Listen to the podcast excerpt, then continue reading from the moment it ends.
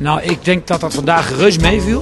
Wij hebben dat in de rust ook gezegd. We hebben in de rust in ieder geval tegen elkaar gezegd dat we, als we echt goed zouden eh, eh, zijn vandaag, dan eh, zetten we een uitslag neer van 8-9-0. Nou, dat hebben we waargemaakt. Dat zou ik nog niet eens willen zeggen. Ik moet zeggen, met vijf doelpunten ben ik wel echt tevreden. Maar het spel hield af en toe nog niet over, moet ik zeggen. Dus nee, wel tevreden met het resultaat, maar ik vond het nog niet heel vlekkeloos staan.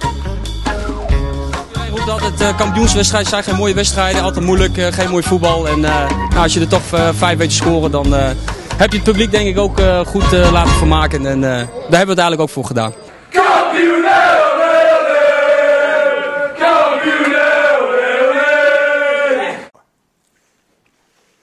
Luisteraars, welkom bij de vierde aflevering alweer van de FC Zutphen podcast. Ik zit hier vanavond ten eerste met eh, mijn collega Teun Isselman. Ja, goedenavond, ik ben er ook weer. Mooi, Hallo. fijn dat je er bent Teun.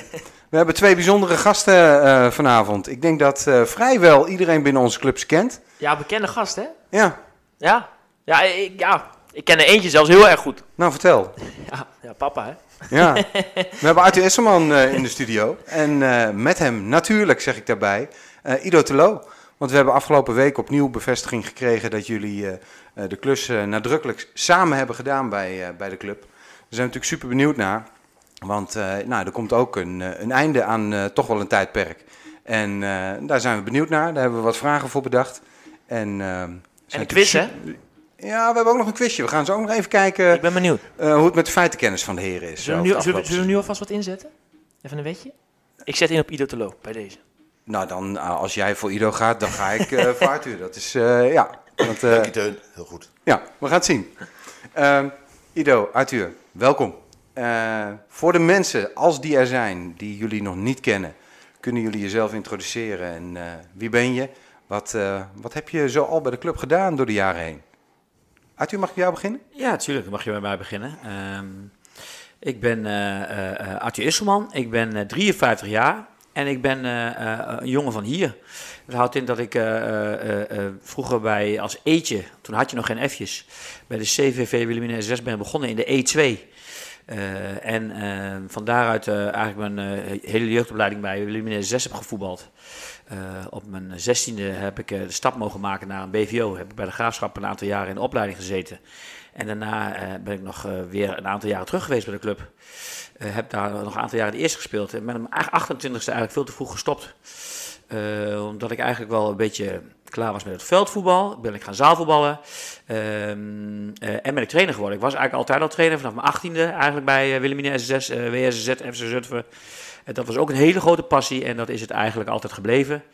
Ehm, ben heel lang jeugdtrainer geweest bij FC Zutphen. Eigenlijk voor allerlei teams. Van de D tot en met de A. Uh, uiteindelijk ook uh, uh, de minis. ben even weg geweest. heb twee jongens gekregen die ook allebei gingen voetballen. Toen weer trainer geweest bij de minis. En tevens bij het eerste elftal, een eerste periode. Dat was de tijd dat we voor het eerst eerste klasse speelden. Dat was een ongelooflijk groot hoogtepunt voor mij persoonlijk. En daar heb ik ongelooflijk van genoten. En daarna weer een tijdje weg geweest. bij andere clubs hoofdtrainer geweest. En uh, nu de laatste twee jaar uh, met uh, mijn maatje Ido, daar waar ik altijd wel van had gedacht van, god, het gaat ons een keer gebeuren. En hoop daarvan op gehoopt. En het is gebeurd. We hebben twee jaar met elkaar kunnen werken hier bij de club. En jammer genoeg is het op, op, de manier geëindigd zoals het geëindigd is. Maar daar gaan we het vast nog over hebben. Ja, ja je noemt hem al, hè? Je maatje Ido. Gelukkig is hij er zelf ook. Ido, wat, wat kun jij over jezelf vertellen om je te introduceren? Uh, 1973 uh, begonnen bij de club, bij de CVV Wilhelmina SSS in het B2, toen heette de E nog B. En uh, vervolgens eigenlijk alleen maar door standaardteams heen gelopen, met heel veel plezier. Uh, gevoetbald altijd in het oranje-zwart. Wat mij betreft lelijke kleuren, maar een heerlijke club. en eigenlijk op, even kijken, 1983 mijn debuut gemaakt in Wilhelmina SSS 1. En uh, het is bij een aantal wedstrijden gebleven. Ik was vervroegd over, ben weer teruggegaan omdat ik toch blijkbaar meer plezier beleefde in de toenmalige A1 dan dat ik uh, in het eerste elftal had. En een jaartje later weggegaan naar de graafschap. Helaas maar voor één jaar. Maar voor topvoetbal was ik niet heel erg geschikt.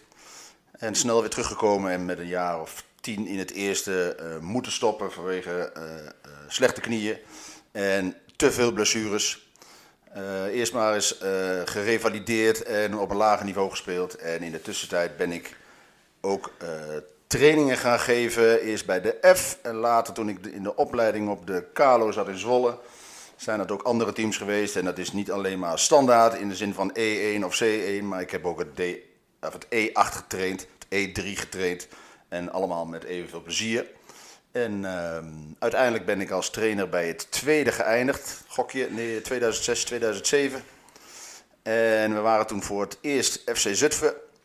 Eh, als vervent tegenstander van de fusie kon ik het nog maar één jaar volhouden. Gelukkig afgesloten met de, eh, met de kampioenschap. En daarna tien jaar uit beeld geweest. En dat is me bijzonder goed bevallen. Maar zo'n drie jaar geleden kon ik het toch niet laten. Werd ik benaderd door de TC. Die eh, wat mij betreft een heel goed beleid neerzette. Met wat eh, elementen die mij aanspraken. En vanuit de TC trainer geworden bij tweede. Een fantastisch jaar gedraaid, waarbij we eh, volgens mij maar één wedstrijd onder mijn leiding wonnen. En wel 65 spelers hebben moeten opstellen om het zaakje rond te krijgen. Ik ook nog, hè? Ik mocht ook nog. Dus ik was meteen weer eh, genezen. En aan het einde van het seizoen ehm, werden de trainers van het eerste eh, bedankt voor hun diensten. Maar dat was één wedstrijd voor het einde. En toen hebben we geprobeerd in het belang van de club nog ervoor te zorgen dat wij via de nacompetitie erin eh, wilden blijven. En dat is helaas niet gelukt.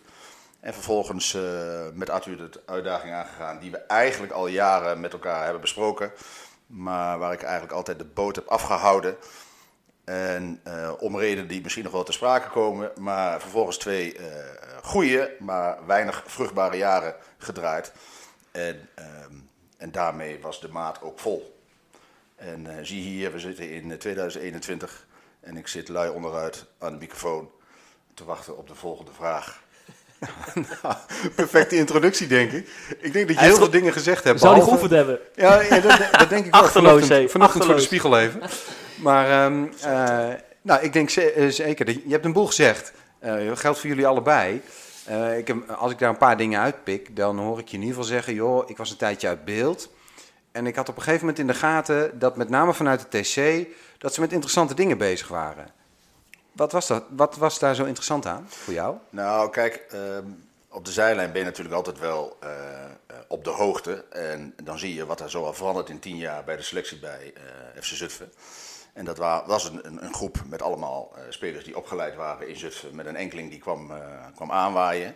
Maar wel eh, een goede kwaliteitsinjectie gaf. En als je dan tien jaar verder kijkt, dan staat daar een vreemdelingenlegioen. En deze TC was daar klaar mee. Die wilde daar gewoon een streep onder zetten. En Ja. onder Taco moest dan nog klassenbehoud gerealiseerd worden. En dan zouden we weer opnieuw kunnen gaan bouwen. Nou, dat hadden ze eigenlijk al eh, een beetje helder. Eh, maar daaraan gekoppeld zaten ook items van ehm, eh, kiezen voor, of durven kiezen als vereniging voor één standaard prestatieteam en niet twee. Eh, dus geen zondag één. Ja. Dat was ook een, een, een hard item bij de TC. En eh, nou goed, eh, ik was een vervent tegenstander van de fusie. Alleen maar daarom. Iedereen is hier welkom. Maar twee koningen op een, op een schip, of twee, laten we zeggen, kapiteins op één schip, is voor mij geen optie geweest. En ook een reden geweest om uiteindelijk toen de tijd te stoppen. Want eigenlijk ben je dan aan het opleiden voor niks. Want we hebben gewoon onvoldoende middelen om zoveel spelers op te leiden. Om beide teams ook goed en kwalitatief te kunnen bemannen. Dus wat dat betreft eh, kwam het TC met die ideeën eh, in mijn straatje. En toen dacht ik van oké, dat, vind ik, eh, dat vind ik fijn werken. Dan doe ik het ergens voor. Maar wil ik het zelf nog? Nou, uiteindelijk kwam de vacature voor de trainer bij twee vrij. En toen dacht ik, maar dat is mijn kwaliteit. Dan moet ik daar eigenlijk weer beginnen. Moet ik dat eigenlijk gaan doen? En, ehm, dus ik wilde eigenlijk ook mezelf weer even testen. Hey, je bent er tien jaar uit. Heb jij nog wel de kwaliteit en heb jij nog wel het inzicht om, om daar wat te betekenen?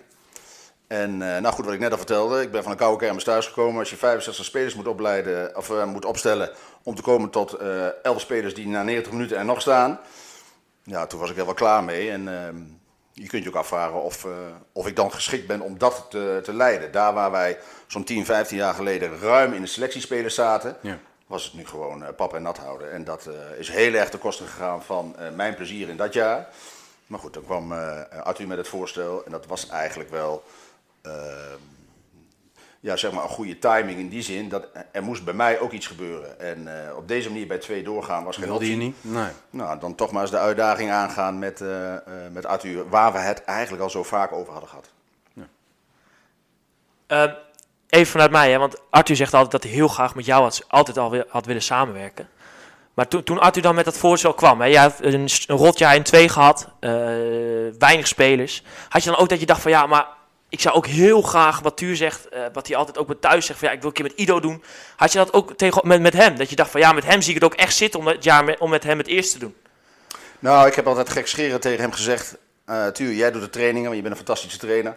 Jij weet ze te raken, jij weet een, een, een lijn neer te zetten eh, waarin ontwikkeld en geleerd kan worden. En laat mij dan de coaching en de opstelling doen, met name de opstelling. Hij zei altijd, ja dat kan niet, want daar ben ik toch voor opgeleid. Ik zei, dat kan wel zijn, maar ieder zo zijn kwaliteit. En eh, dat is wel een optie. Maar toen kwam hij met het voorstel, daar ben ik dus wat dieper over gaan nadenken. En dan denk ik van, hebben we twee kapiteins op een schip, gaat dat wel werken? En dat was eigenlijk ook mijn, eh, mijn drempel. Want ik ken mezelf en ik moet me dan enigszins aanpassen. Want ik ben assistent-trainer en hij heeft uiteindelijk eh, het eindoordeel, althans misschien niet het oordeel, meer de verantwoordelijkheid. En of dat ging werken, daar had ik nog wel zo mijn, mijn vragen bij. Ook omdat ik hem ken als coach. En eh, de beslissingen die hij nam in het verleden, nou, daar had ik er nog wel eens kritiek op. Ja. En, dus ergens eh, was er een intentie, maar ook echt wel een twijfel. Zeker weten, Van zeker weten. ja, ja. Maar dat, daar hebben we een goed gesprek over gehad. En eh, nou ja, binnen Arthur's kwaliteit wist hij mij te overtuigen. Ja. En Arthur, voor jou? Nou, ieder zegt het mooi. Ik, ik weet de avond nog precies dat we bij. eh, en ik, weet, ik denk dat het leuk is om dat, dat zo te benoemen. Zoals dat dan gaat. Eh, we hebben uiteindelijk voor elkaar gekozen. En we hebben. eh, ik, wilde dat heel graag, eigenlijk al jaren, al heel lang. Omdat we in het verleden. heb ik met Ido samengewerkt als jeugdtrainer. En eh, dat, dat, daar heb ik zo ongelooflijk van genoten toen de tijd. Maar ook zo vooral eh, het gevoel gehad dat wij samen complementair waren aan elkaar. Ehm, en dat ik dat ook heel graag wilde als hoofdtrainer. Ik zei, als we eh, zo complementair aan elkaar kunnen zijn, dan, dan kunnen dat ook zijn als, eh, als eh, gelijkwaardige eh, twee kapiteins op een schip. En dat gaat zeker werken. Ik heb daar nooit aan getwijfeld. En ik weet nog dat wij de avond dat ik bij Ido letterlijk thuis kwam om hem daarvoor te vragen, dat zijn eerste reactie was, ja, dat ga ik dat niet doen met jou. Dat ga ik echt niet doen met jou, zei hij. Dus toen waren we eigenlijk al uitges- uitgesproken. Dus we hadden eigenlijk al besloten, oké, als jij zegt dat je dat niet wil doen, en hij had daar goede redenen voor, dat legde hij me ook uit. Toen hebben we het er niet meer over gehad. Nee. Want toen hebben we anderhalf uur eigenlijk over de club gesproken, over voetbal gesproken en over allerlei andere dingen gesproken. En aan het eind van die anderhalf uur weet ik nog precies, toen heb ik nog een keer tegen Ido gezegd, nog een keer dezelfde vraag gehaald. Zei Ido, nog een keer. Nu hebben we met elkaar anderhalf uur gezeten. Nu proef je hopelijk, dat op wat voor manier en welke kant we ook opgaan, dat we eigenlijk heel complementair zijn aan elkaar. Dat we eh, met elkaar geweldig kunnen discussiëren over het spel en wat voor kant het op moet. Dat we elkaar volgens mij geweldig aan kunnen vullen. Dat vinden mensen ook van, al van ons. Waarom zouden we het niet doen? Wat houdt je tegen? Wat houdt ons tegen? Nou, uiteindelijk zei Ido ook volgens mij, ja, volgens mij is dat ook zo. Dus hebben we, waren we er eigenlijk toch uit. Tenminste, zo is het volgens mij gegaan. En, ehm, Ik, dus zie, de- ik zie Ido knikken. ja, dus, dus daar, ben ik, ben- daar ben ik blij mee, want ik keek ook naar rechts. Volgens mij is het zo gegaan, want je proeft een beetje zo van, oké, voor mij kan was, uit was het heel, heel graag en eigenlijk altijd al gewild. Voor ieder was er wat, wat weerstand in de positieve zin van het woord. En daar heeft hij heel duidelijk zijn argumenten voor. Wat ik ook daar het fijnste in vond, is dat Ido daar altijd naar mij toe heel duidelijk en transparant en eerlijk over is geweest. Dat vond ik eigenlijk ook het allerfijnste. Dus ik heb nooit en ten nimmer ook ooit het gevoel gehad dat ik... ehm, eh, die kapitein moest zijn op het schip. en Dat ik me waar moest maken, zeker niet ten opzichte van hem. Omdat ik me juist altijd bij hem heel erg comfortabel heb gevoeld. Omdat hij degene is die eh, gemakkelijk met mij communiceert over dingen die ik wel goed doe, maar ook dingen die ik niet goed doe. Dat ik dat heel gemakkelijk van hem aanneem. Eh, dat we ook heel complementair zijn in, eh, in ehm, eh, eh, eh, hoe we zijn als persoon. Dus, eh, en ik heb afgelopen donderdag toen we afscheid namen dat nog gevraagd aan de jongens. Nou, en de jongens hebben dat ook zo beleefd. Mooi. Ja. Laat ik, laat ik daar even op inspelen. De, de samenwerking. In ieder geval, ik kan, en dan spreek ik even vanuit de kant vanuit speler zijnde. De- ik, ik vond de samenwerking echt, laat me zeggen dat je zegt van, je hebt eentje die, die treedt meer op de voorgrond, die, em, die, is, die, geeft, die geeft aan wat er moet gebeuren. Eh, die geeft dat meer in groepsverband aan. En je had iemand, in dit geval Ido, die, eh, die jou eerder persoonlijk aan zou, aan zou ehm, bespreken en je, jou persoonlijk tips zou geven. En ik vond eigenlijk, en daar ben ik echt heel eerlijk in, maar ik vond de samenwerking echt heel erg prettig. Ondanks dat mijn vader trainer was, heb ik de, heb ik de samenwerking echt heel prettig gevouwen, omdat eh, ze beide een hele andere rol aannamen. En ik weet niet hoe jullie dat dan zien en of, hoe jullie dat, of, dat ook zo, of dat zo besproken is, of dat het een beetje automatisch is gegaan. Misschien is dat wel de vraag die ik nu zo meteen ga stellen. Maar zo heb ik het in ieder geval ervaren. Dat, eh, we hadden één iemand, eh, ondanks dat hij zegt dat hij dat niet zo voelt dat hij op de voorgrond, eh, op de voorgrond trad. Maar Arthur trad toch wel vaker meer op de voorgrond dan Ido. Maar dat kwam ook omdat hij die rol had.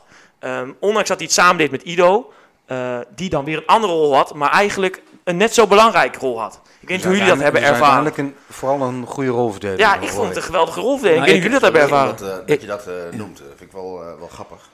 Want eh, dat zit bij ons in de personen in. Dat is niet op zozeer eh, om, eh, om, da- om je daarop te laten voorstaan, maar dat, het, het is min of meer vanzelfsprekend. Eh, ik kreeg van Arthur de gelegenheid te zijn wie ik wilde zijn. En ook al ben ik iemand die wil bepalen, ik kreeg alle ruimte om mee te bepalen. En ehm, in de presentatie naar de groep toe eh, vind ik het ook fijn om iemand eh, eh, erbij te hebben die daarin het voortouw neemt. Want hij doet dat heel erg makkelijk. Hij verwoordt het misschien meestal in heel veel woorden, maar dat doet hij wel heel erg makkelijk. En hij weet ook heel behoorlijk eh, de lijn vast te houden waar we het eigenlijk over wilden hebben. En ik kreeg de gelegenheid om daarin aan te vullen. En het was eigenlijk niet, en dat hebben we het onderling nog wel eens over gehad, we hebben het gewoon niet afgesproken. We deden het gewoon. En, ehm, en, en dan is het ook fijn omdat je gewoon eh, jezelf kan zijn. Je kan in je rol blijven en je hoeft, eh, je, je hoeft niet te spelen. Je hoeft ook niet ten opzichte van de groep eh, je anders voor te doen dan je eigenlijk bent. En, dan, en dan blijf je beide toch wel heel behoorlijk in je kracht. Nou, dat Ja, anders bij- zou het ten koste dat van heel erg duidelijk je, van je geloofwaardigheid gaan natuurlijk. Als je, als je inderdaad anders... Je anders Ja, maar soms heeft een groep iets nodig. en, ehm, ehm, en, en dat moet je dan misschien spelen, omdat het misschien niet Ja. is wat jij beheerst. Ja. En, eh, en in dit geval, eh, eh, ja, dat heeft natuurlijk ook te maken met de prestaties en hoe de groep in elkaar steekt. Maar ik denk dat, ehm, dat het eigenlijk vanzelf ging. En eh, dat heeft ook mee te maken dat je elkaar eh, door en door kent. Ja. Maar dat is dan toch wel dat gevoel wat Arthur dus voorafgaand eigenlijk had. Van, hè? Het- Ja, jij zegt, dus gewoon. jij zegt heel sterk, Ruud. eh, jij zegt heel sterk. eh, ik heb eigenlijk. eh, ik ben echt een trainer die. Maar ook als persoon, maar ook als docent op school. Ik doe heel veel op mijn gevoel. Dus, eh, en dan zegt Ido heel duidelijk van, ja weet je, eh, daar past een bepaalde persoonlijkheid bij. Hè? Dan ben ik druk, dan ben ik energiek, dan heb ik misschien wel veel te veel woorden nodig. Maar het is wel echt. Volgens mij is het echt, tenminste dat hoop ik. En ik heb nooit, en ten nimmer, ook die afgelopen twee jaar, met, samen met Ido, het gevoel gehad dat je, wat je ook regelmatig wel soms moet, dat je een toneelstukje moet spelen. Ja. Wij hebben nooit geen toneelstuk gespeeld. Wij zijn altijd eh, eigen geweest, volgens mij. En volgens mij, eh, eh, soms komt een toneelstukje ook heel goed over. Maar een toneelstukje kun je ook heel gemakkelijk doorheen prikken. Ja. Nou, bij ons hebben ze in ieder geval nooit ergens doorheen, doorheen hoeven prikken. Want het was volgens mij echt. En het was gemeend. En het was ook altijd weer bespreekbaar. Want zo zijn we denk ik ook als persoonlijkheden. eh, dat als eh, we ruzie hadden gemaakt of eh, als dingen niet klopten. Dan konden jongens toch hopelijk, tenminste zo heb ik het altijd beleefd, vrij gemakkelijk bij ons terecht. En konden we het ook, we konden het ook bij de jongens neerleggen. Konden, konden bij ons terugkomen. Nou, dat was wel, dat vond ik heel comfortabel. En dat vind ik ook vooral het comfortabele, vond ik het vooral het meest comfortabel in onze samenwerking. En Ido heeft het heel mooi verwoord, want nogmaals, als je het hebt over complementair, nou ik weet eh, door de samenwerking met Ido wat het is om met iemand te werken die complementair is aan jou. En dat gevoel had ik al heel lang. En dat is oké, je hoort mij nu ook elke keer gevoel zeggen. Dat is altijd mijn gevoel geweest. Ik heb altijd graag, ik heb letterlijk tegen Ido, eh, volgens mij twee weken geleden gezegd, ik wilde dit gewoon graag heel graag een keer met jou beleven om te voelen of dat succesvol zou zijn. Nou, ondanks dat we geen resultaten hebben gehaald, heb ik er een heel goed gevoel aan overgehouden. Eh, eh, en voor mij was het zelfs een optie geweest, hè, dat heb ik ook tegen Ido zo gezegd, van nou weet je, stel je voor het gaat heel goed bij FC Zutphen, dan heeft dat ook een houdbaarheidsdatum. Dan had ik bijvoorbeeld eh, met, want nogmaals, ik heb alle papieren eh, op eentje na. Dan hadden we misschien ook nog wel samen eh, een stap kunnen maken, een andere stap. Dat had ik ook, had ik ook zien zitten. En dan misschien gaat bij een andere club. ja, bijvoorbeeld als de houdbaarheidsdatum hier, dan had ik als hoofdtrainer, ik ben als hoofdtrainer, wat dat gaat, heb ik, be- ben ik niet zo ambitieus, wil ik het gewoon graag heel erg naar mijn zin hebben ergens. En wil ik dat ding kunnen doen zoals ik het graag wil doen. Nou, samen is dat de afgelopen twee jaar eigenlijk moeiteloos gegaan. Ja. En ehm, ja, dat is zo, zoals ik het liefste zou, zo, zo ik het liefste zou zien en het liefste zou doen. Ja. Neemt niet weg dat het misschien ook nog wel eens ehm, te overwegen is de vraag te stellen die we overigens nu niet moeten beantwoorden. Want daar heb ik zelf al helemaal niet over nagedacht. En dat wil ik toch eerst wel eens doen. Of we misschien meer hadden kunnen bereiken wanneer we wel een keer een andere rol hadden gespeeld om iets los te maken bij de, bij de groep. Misschien hadden we dan op het moment van eh, eh, het eerste corona wel bovenaan gestaan. Dus het is ook wel altijd goed de vraag te stellen, oké, we hebben op deze manier gedaan, dat Ja. past bij ons. Maar de andere kant, was er op een andere manier ook nog iets te bereiken? Die vraag die moeten we onszelf nog stellen. En dat zullen we ook zeker doen. Ja. Maar daar heb ik nog verder niet over nagedacht. Nou, misschien kunnen, Teun kunnen we ze uitnodigen voor over een tijdje voor een volgende Ik aflevering. zie in deel 2 al zitten. maar, maar, zegt, maar je gevoel zegt eigenlijk wel dat dat het geval had kunnen zijn? Als je het nu op eerste instantie zegt, je gevoel zegt dat wel. Nou ja, kijk, wij hebben promotie gemist terwijl wij de beste ploeg van de afdeling waren. Ja. Ik zeg dan, eh, eh, dan wil ik mezelf eigenlijk corrigeren, want we waren dus niet de beste ploeg van de afdeling, want we stonden namelijk tweede. En dat is op een manier gegaan waarbij we voor de winterstop al eh, gewaarschuwd hebben naar de groep toe om te zeggen, hey, die eerste wedstrijd na de winterstop, daar draait het om. Dan moeten we er staan. En ehm, dat hebben we op een manier benaderd die mij aanstaat. Wie traint speelt, wie niet traint. Sorry, wat de reden ook is, dan ben je niet fit en scherp genoeg. Je kunt je afvragen of dat op dat moment een goede zet van ons was, want we hebben verloren bij Zeelos. En eh, we hebben vervolgens daarna nog een wedstrijdje gewonnen en vervolgens eh, dieren gehad. En waar we ook een put hebben laten liggen, waar we niet hebben kunnen scoren. En in die periode heeft de groep ook ons een beetje gecorrigeerd. Omdat ik ben van, eh, je wordt niet kampioen eh, met z'n elfen, maar met, met 18, minimaal 18. Dus ik wilde ook eh, erg graag toen na twee keer trainen is spelen. En als we er dan 14 hebben, dan hebben we wat te kiezen. Maar nummer 15 tot en 18 is niet getraind hebben, oké, dan, dan dus niet. Nou, de groep heeft eigenlijk aangegeven, eh, in die periode ook, dat ze er naartoe willen dat er een, een, een duidelijk elftal staat. En dat hebben we in, die, in het jaar daarna, zeg maar het huidige seizoen waar we maar heel weinig wedstrijden gespeeld hebben, hebben we dat toegepast. Is niet mijn ding. Maar de groep die heeft dat eigenlijk aangegeven, dat willen we zo. En eh, nou goed, we hebben een eh, sublieme start gemaakt en het had nog tot veel meer kunnen leiden. Maar goed, dat is allemaal koffiedik kijken. Ja. Maar ik vind wel dat je altijd terug moet kijken van oké, we hebben het zus gedaan, maar als we het anders hadden gedaan, had dat wat kunnen opleveren en moet ik dat misschien ergens gaan gebruiken? Goed, die vraag is dan voor deel 2 te beantwoorden. Dus leren van keuzes uiteindelijk. Absoluut. Ja. Het- Een mooi voorbeeld daarin is ook nog dat wij bijvoorbeeld de wedstrijd tegen Eefde verloren. En daar kregen wij van tevoren al heel veel kritiek over de basis die wij daar opstelden. Want dat was dus een basis op basis van trainingsbelasting en eh, trainingsmomenten. Eh, waardoor er eh, nou een bank zat, misschien weet je het nog, met jongens waarvan iedereen zegt van ja, die horen allemaal in de basis te staan. Waarvan wij zeiden nou, eh, een sterke bank zorgt er ook voor eh, eh, een goede prestatie. Toen verloren we volgens die wedstrijd. Nou, je kunt je voorstellen dat je dan, en zeker dat, dat misschien ook als hoofdtrainer, dat je dat als hoofdtrainer te horen krijgt van je had andere keuzes moeten maken. Ja. Dat was zo'n moment. Toen hebben we nog, nog best een tijd gewacht volgens mij met die keuze maken. Want het was een hele bewuste keuze voor ons om, om dit door te drukken. We zeiden als jij twee keer in de week traint, je moet er gewoon zijn om fit te zijn, om goed te zijn. Dus de mensen die trainen, die spelen, die gaan altijd voor de mensen die niet trainen of niet komen. Nou ja, en dan bij een amateurvereniging waar jongens studeren, soms andere belangen spelen. Ja, dat, is een, eh, dat is een mooi issue, dat is een mooie discussie. Zeker op het moment ook dat je derde klasser bent. Hè? Als jij eerste klasser bent of hoofdklasser bent, dan is dat misschien nog wel essentiëler. Maar, eh, en dan hebben wij, eh, wat ik even terug op waar we het straks over hadden, dat was een leuk issue in, de, in de groep. En dan heb ik het over staf en spelers, die we, die we bespreekbaar hebben gemaakt, en waar we met elkaar over gehad hebben, maar die ons wat mee, Ido eigenlijk bedoelt, misschien wel mede de promotie heeft gekost. En eh, dat is wel iets waar wij het samen eh, eh, gemakkelijk over konden hebben, waarin we uiteindelijk- ook beslissingen hebben genomen. Maar ja, als je dan terugkijkt, dan is dat misschien ook wel een, een verkeerde beslissing geweest. Nou, daar wil ik toch even op reageren om het juiste perspectief te zetten. Ehm, die beslissing hebben we ook genomen omdat wij op de langere termijn wilden kijken. Je bent bezig met een bepaald proces. Hè, die, ehm, eh, we hebben net volgens mij in het interview voorafgaand aangegeven dat we het vooral in dat eerste jaar eh, het spelplezier terug willen eh, hebben. Eh, ze moeten willen trainen. En wij, wij maken dan deze keuzes ehm, om daarmee op de lange termijn te scoren. En natuurlijk wil je dan een keer kampioen worden, maar het gaat om die lange termijn. En ja, goed, die is soms door corona afgepakt. Maar toch kun je je afvragen, oké, in die belangrijke wedstrijden, even, dat doet ertoe, je weet wat je daar kan verwachten. Hadden we dat niet anders moeten doen? Ja, als je hebt verloren, dan is het snel eh, makkelijk om te zeggen van, eh, ja, dat is dus niet oké. Die ervaring die op de bank zat, had je het veld moeten zetten. Maar in mijn ogen verdienden ze dat op dat moment niet. En daar, daar sta ik ook nog steeds achter. Maar je kan ook zo redeneren, oké, dat heeft je dus de promotie gekost. Dat kan. Ja, ja precies. Ja. Hey, je noemt het zelf al even, hè? eh, corona heeft, heeft ons wat nodig afgepakt. Is dat, frustreert jullie dat? Nou ja, weet je, je, moet er denk ik, het is nu al denk ik al eh, eh, eh, ja, een dik jaar dat het speelt. En ehm, ehm, ik kan me nog herinneren dat wij toen wij dus niet promoveerden in ons eerste jaar, waarvan wij dachten van als de competitie uit was gespeeld, waren we gepromoveerd.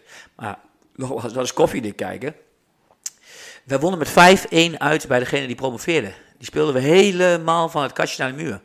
En die jongens waren ongelooflijk onder de indruk van ons niveau. En wij zelf eigenlijk ook, want we hadden dat ook niet van onszelf misschien op dat moment daar wel verwacht. En vervolgens stonden we op het moment dat het ertoe deed, stonden we tweede. En we hebben er vanuit de club ook nog alles aan gedaan om alsnog te promoveren, omdat we eigenlijk vonden dat we dat verdienden. Nou ja, dan kun je jezelf afvragen dat we eigenlijk de wedstrijd tegen Zeelos en de wedstrijd tegen Dieren, en dan kun je misschien de wedstrijd even nog meten, maar dat was helemaal in het begin van het seizoen. Dat heeft ons de kop gekost. De kop gekost in de zin van dat we daar niet gepromoveerd zijn daardoor. En daardoor geen tweede klasse waren in het jaar daarop. En ook nu nog steeds niet. En dat, kun je dat in het negatieve zetten. Maar eigenlijk is het ook, als je de hele coronaperiode bekijkt, moet je dat niet willen, want het brengt je niks. Ik bedoel, eh, het, eh, eh, we hebben het eh, eh, twee jaar lang hier eigenlijk heel erg naar ons zin gehad. Maar we zijn wel beknot in hetgene wat we wilden en tegengehouden in, hetgene, in de kant die we op wilden. En dat, dat frustreert wel in de zin van dat we het natuurlijk heel graag anders hadden gezien. Was dat, was dat voor jullie ook demotiverend als trainer? Kijk, als speler was het voor mij heel demotiverend. Maar is dat ook waarvan jij uit Ido eh kant zegt van... Dat is misschien ook een reden waarvan, waarvan ik zei van ja, dan zet ik er een punt achter. Omdat het, het motiveert me niet meer. Nee, nee. En ehm, het frustreert me ook niet. Eh, er spelen andere belangen op zo'n moment. En daar kan ik, eh, daar kan ik heel snel naartoe. Ehm, ik, ik leef ook bij het moment, zeg maar. Ik heb wel geleerd om niet eh, te lang in het verleden te leven. Dus wat dat betreft, eh, oké, dat is een situatie. Dat is jammer. Eh, we gaan weer eh, opnieuw bouwen. Zo ben ik dit seizoen ook gestart. En het enige wat me wel frustreert is dat, dat ik niet meer kan toewerken naar een wedstrijd. En de trainingen die we hebben moeten doen zeg maar, vanaf februari, nou, die hebben me behoorlijk gefrustreerd, want dat is bezighouden. Dat, die hebben jullie ook gefrustreerd. Je kan een partijtje doen en dan ben ik nog wel eens pissig over de manier waarop dat beleefd wordt. Ik denk, je kan in ieder geval weer een partijtje doen. Ik zou maar wat graag daartussen staan. En, ehm, maar ik, nee, ik, ehm, ik ben eh, te realist, zeg maar. Eh, te veel realist om, om daar lang bij stil te staan. En, ehm, maar ik kijk wel naar wat daar vooraf is gegaan. Van in het proces dat we nog wedstrijden spelen. Wat is daar allemaal gebeurd? En eh, nou, dat heeft ertoe geleid dat we dit seizoen anders gestart zijn. Met een iets andere spelopvatting. Die volgens mij beter paste bij de kwaliteiten die we op dat moment in de selectie hadden. En, eh, en, en dat vind ik leuk. Werken met eh, een plan. En proberen dat plan steeds eh, scherper te stellen. Zodat wij eigenlijk alleen maar beter worden. Ja, en dat dat misgaat. in de zin van het kan niet meer. Oké, dat is dan zo. Eh, maar die wedstrijden. Ik wil die wedstrijden zo graag. Want dat is eigenlijk het enige wat ik leuk vind. Het liefst zou ik op dinsdag een wedstrijdje spelen. Op donderdag een wedstrijdje spelen. En op zaterdag... eh, Potje trainen. eh, weer, eh, nee, nee. Ook een wedstrijdje. Zo ook een wedstrijdje. Dat, daar leer ik het meeste van. Ja, ja. En, eh, en dat het nu allemaal trainingjes zijn, ja, dat, dat is wel een frustratie. Maar geen reden om dan te zeggen, hé hey, eh, Ture, ik heb genoeg van, dit trek ik niet meer. Nee, dat heeft, dat heeft niet meegespeeld. Als, als, het, als aan Ido ligt, speelt hij in de NBA, denk ik. Want daar, eh, daar spelen ze om de drie dagen, hè, Ido. Ja, nou, verhuis, naar, verhuis naar Amerika dan. Leuk dat hoor. hey. toch eens zou kunnen om de drie dagen op niveau... Ja, ik zie het wel zitten hoor. Ja, ik ook wel, maar eh, mijn lijf trekt dat niet meer. helaas. Je wil niet weten hoe ik vanmiddag door de, over de postbank eh, huppelde. Zes keer twee minuten en dan gewoon, eh, gewoon niet meer kunnen lopen van de pijn in de knieën die je hebt, terwijl je zo graag wil. Ik vind dat je hier vrij fris zit hoor. Ja, maar dan komt dat ik netjes eh, en lang gedoucht heb. Oké, dat is goed. En we filmen bewust niet, hè? Dat is beter. Ehm, jullie geven, hè, jullie, jullie kijken eigenlijk, als ik jullie zo hoor, gewoon hoe dan ook, uiteindelijk heel positief terug op de periode die achter je ligt, waarin je eh, die samenwerking bent aangegaan en, en samen voor die klus bent gegaan. En je geeft ook mooi aan eigenlijk op de manier waarop jullie elkaar aanvullen. Eh, ik ben wel benieuwd, Arthur, met jou beginnende, als jij naar, naar Ido kijkt als trainer, hè, met wie je de afgelopen periode hebt samengewerkt. Wat zijn dan de kwaliteiten van Ido die je, die je het meest waardeert? Kom. Ga ik even voor zitten. Eh, ik- weet nog dat die vraag ons aan toen we begonnen, eh, volgens mij ook eh, gesteld werd bij, bij een interview. En eh, nou weet je, ik zei net al, ik, eh, voelt heel, voor mij persoonlijk heel vertrouwd. Dus daar kan ik alles mee delen. Hij is altijd eerlijk en open en eh, eh, eh, ehm, eh, zegt waar het op staat. Dus, en dat doet hij, denk ik, bij iedereen, die weet ik ook niet, maar zeker bij mij. Dus daar heb ik heel veel respect voor gehad, altijd. In alle situaties waarin we samen eh, op zijn getrokken. Eh, ook nu, hè, want we hebben nu ook dit seizoen ook, eh, toen we stopten, heb ik, kun je je voorstellen, hè, dat toen we stopten, heb ik ook tegen ieder gezegd, je stopt toch niet omdat je het niet meer leuk vindt met- mij. En ja, dan, dan heeft hij daar een verhaal bij en dan is hij daar ook heel eerlijk en open in. En dan, dan zijn we ook best heel, kritisch naar elkaar. En kunnen, maar dat kan heel gemakkelijk. En ik moet je eerlijk zeggen dat ik dat ook van hem, en dat moet dan toch ook te maken hebben met de manier waarop hij dat doet. Want van hem accepteer ik dat moeiteloos. Terwijl ik daar van andere mensen, eh, als andere mensen dat doen, heel vaak heel veel moeite mee heb. Of dat lastig vind. En dat heb ik bij hem niet. Eh, en dus dat vind ik een hele grote kwaliteit. Ik vind dat hij, dat heb ik, heb ik altijd van hem gevonden. Ik vind dat hij vooral analytisch en tactisch en klein kan kijken. Dus hij kan heel goed klein kijken. Dus hij eh, kan heel erg kijken op niveau, op details. Ziet dingen waar, die ik helemaal niet zie. Waarvan ik denk van, eh hè, had van de week over, zei iemand tegen mij, eh, aanvallers en keepers, dat zijn nooit goede trainers. Nou, ik ben een echte aanvaller. Eh, dat zie je ook, denk ik, in mijn emotie en de manier waarop ik dingen beleef en sta. Maar in het analytische, daar- dat vond ik heel fijn met Ido. En, en ik vind, vond het ook heel fijn om hem, wat, wat we net tegen elkaar zeiden, we waren gelijkwaardig. Daar heb ik ook eigenlijk haast, ik heb dat heel vaak hardop gezegd. En ik heb er ook een beetje eh, van hem geëist. Ook soms was gezegd tegen hem zo van, ja, maar we doen het toch samen? Dat is dus ook de- zoals we hier vanavond samen zitten. En we ook samen gestopt zijn. Want toen we stopten, ieder zei van, ik trek dat niet meer. Dus heb ik gezegd, nou, dan ga ik ook niet meer verder. Dat was het eerste wat ik tegen hem zei. Dan ga ik ook niet meer verder. Dat was we je zijn heel, samen- du- heel duidelijk. we zijn het samen aangegaan. Eh, terwijl ook heel veel mensen nu afgelopen week zelfs zeiden, maar je had toch ook met een andere assistent? Ik zei, nee, ik ga niet met een andere assistent. Ik wilde met Ido. En dat heeft met hem te maken. En eh, nou weet je, eh, dus, dus is het ook een eh, bepaalde vriendschap. En eh, eh, eh, Ido zal, eh, eh, eh, is dan, is, zegt dan ook altijd van zichzelf, eh, daar ben ik helemaal niet zo van. En eh, ik ben heel erg op mezelf. En, eh, en dat klopt ook, hè, want je kunt hem soms een jaar niet zien. Maar als je hem dan na een jaar weer ziet, dan is het ook meteen weer, eh, voor, wat mij betreft, met hem eh, eh, eh, eh, zoals het altijd was. Dat zijn de, eh, de belangrijke waarden. En nogmaals, ik heb, maar, ik heb ook heel erg genoten van zijn analytisch vermogen. Als je het hebt over kwaliteiten en ook zijn eh, eh, coachende vermogen, de dingen zien. eh, maar ook het organiserende, eh, eh, eh, duidelijk, duidelijkheid. Eh, dat kon hij heel goed. En dat zijn dingen die heel complementair zijn richting mij. Want dat zijn dingen die ik eh, nog wel eens lastig vind. Denk ik. Mooi. Ja, mee eens. Denk ik. ik weet het niet. Ja, ik, ja nee, eh, ik weet het eigenlijk niet. Ik denk, dat, ik denk, denk, ik denk wel dat wat, wat hij zegt, het, het analytische en het, het kleinere zien, is ook de rolverdeling die ik net beschreef. Is dat eh, eh, eh, Arthur meer op de voorgrond trad in het, het algemene coachen. Het coachen van de hele ploeg op eh, de dingen die we met z'n allen hebben afgesproken. En dat Ido daarentegen juist heel erg de, de kleine dingen zag en zich kapot kon ergeren als een spits niet op tijd in de 16 was. Ehm, en vervolgens eh, te vroeg inliep, hè Ido? Want eh, dat is natuurlijk nog de grootste frustratie van het hele seizoen geweest. Een spits die te vroeg inliep. Nou, daar kon je zich helemaal op, eh, op dood opvreten. Daar kan ik uit eigen En, ervaring over ehm, eh, meepraten. ja. Maar, maar, ons jaartje in maar derde. dat, is iets, dat is iets wat Arthur minder snel zou zien en ook minder snel zou aanhalen. En dat is juist iets wat juist Ido daarentegen... Nou, hij vergeet net niet zijn eigen schoen op als hij dat weer ziet gebeuren. En dat de spits weer te vroeg is. En dat hij Ja. er vervolgens niet uh, tweede paal wordt voorgegeven door de lucht. En dat hij weer eruit wordt gehaald en dan weer door wordt gespeeld. En um, ik, ik denk dat dat, wat, wat, wat Arthur schetst, dat dat wel waar is. En dat dat Ja. wel uh, ook weer de mooie, het mooie complementaire gedeelte is wat wordt geschetst. Het frustrerende, sorry Tuur, maar het frustrerende in wat jij zegt is dan dat ik me afvraag, heb ik het zo duidelijk verteld?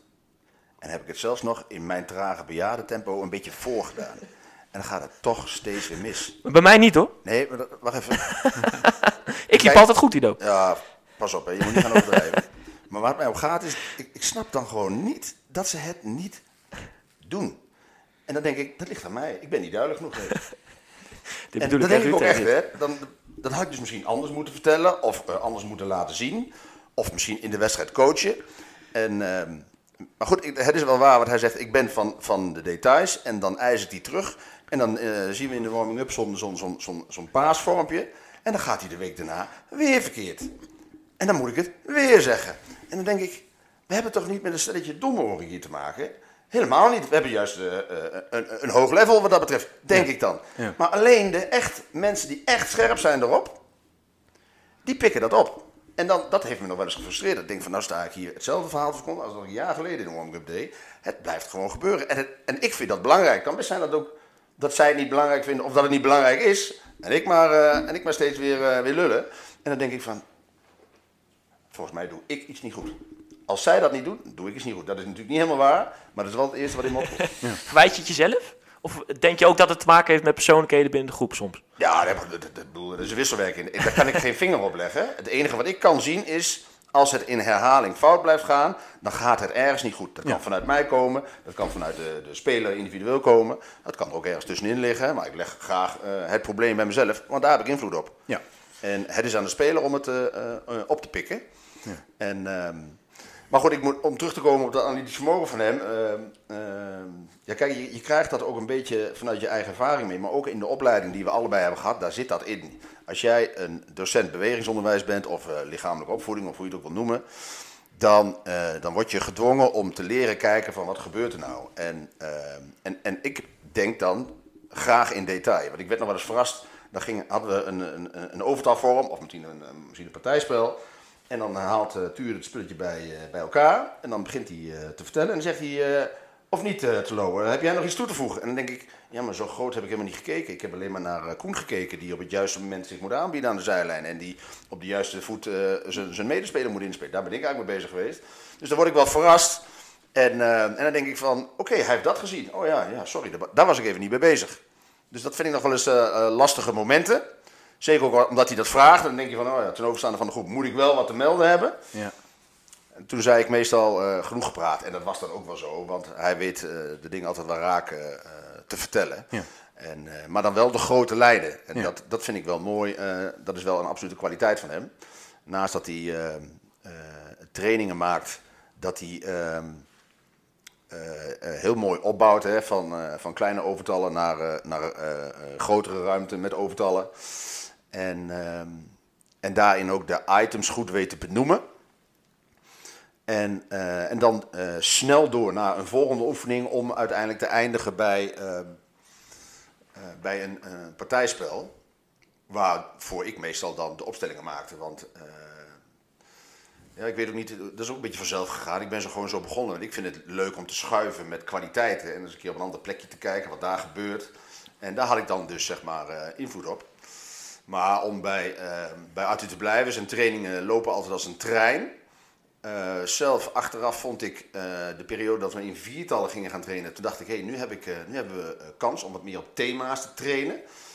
Maar daar zat de groep niet echt op te wachten. Misschien ook wel vanwege het feit dat je dan geen partij speelt. Maar die- thema's kwamen er niet heel erg goed uit. Behalve dat hij een keer een vrije trap erin schoot. Eentje, hallo Nou, even. Oké, nou laten het twee zijn. En meteen eh, denkt, eh, die moet ik eh, in de wedstrijd ook gaan nemen. En vervolgens in de partijvormen eist hij er nooit eentje op. Dus daar heb je dan weer een verbeterpunt, eh, Teun.